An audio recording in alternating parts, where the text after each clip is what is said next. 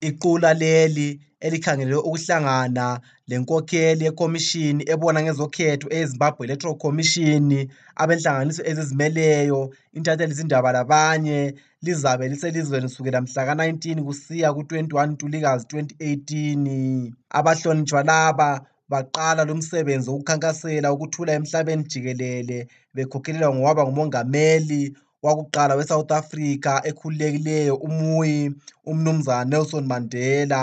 uAnan wamukelwe enkundleni yendizamtshina eRobert Mugabe International Airport ngummeli weUnited Nations eZimbabwe umnumzana Bisho Paraju umnumzana Mlungisi Dube ingcwethi ecubunguka ngezombusazwe uthe kuyabongeka lokhu okwenziwe ngabahlonitshwa laba ukuza kwama-elders e-africa ukuthi bezomonitha ukuthi uhlelo lokhetho luqhutshwa njani ezimbabwe kuyinto enhle kakhulu kupha ithuba lokubana eh amabandla aphikisayo ehlaliseke ekwazi ukubana ibandla elibusayo lizabe likunanzelela ukuthi kulabantu abaningi abahloniphekayo ababuyileyo abakhangeleyo ukuthi kuqhutshwane aluba bayakwanisa ukuthi behambe ezindaweni ezisemaphandleni lokhu kusekelwe ngumnumzana bekezela gumbo isakhamuzi seharare yena othe lokhu kunganceda ekuvikeleni udlakela kukhetho isitepu sokuqala esingathi siyasitshaya ukuze um inkinga zethu esezimbabwe zibonakale um kumazwe onke omhlaba ngoba ukhofi anani ngumuntu esimaziyo ukuthi um usesebenze umsebenzi omkhulu kakhulu ekuxazululeni ingxaki ezifana lazini eziqala ama-election e-afrika siyakwazi nguye wayekhona ekenya nguye wayelokhu zi-six point plan yakhe naleyana lakathesi khonapha kithi ungambona esekhona kutsho ukuthi amazwe omhlaba akhangele ukuthi um kungayenzakala um ubudlwangudlwangu ngala ama-election njalo siyakwazi ukuthi um amazwe e-afrika amaningi esikhathi esiningi kujala ukuba um ababusayo baba betshontshile ama-election um betshontshele labo abangelamandla amabutho um ngaleyo ndlela siyabe sesibona sokufanele ukuthi abantu abanjengabocofi anani bebuye bezobona ukuthi kwenzakalani ukwenzela ukuthi nxa ama-election edlula kuqalisa ukuba lobudlwangudlwangu kube kusazakala ukuthi vele kuqalisele ngaphi eleZimbabwe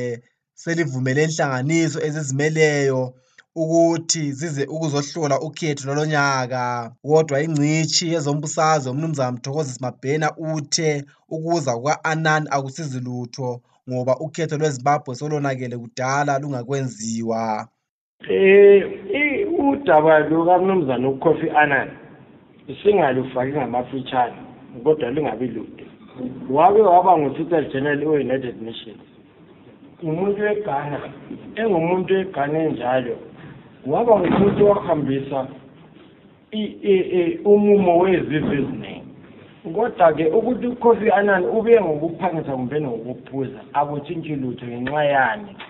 sekuvele kwavoxwa uvoxexile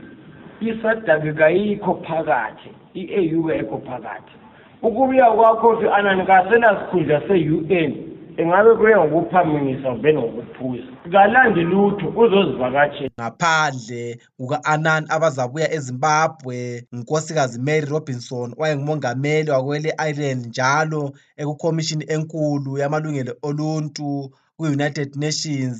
lowayemele ele-algeria kwamanye amazwe umnumzana lagda Brahim njalo iziphathamandla se-United Nations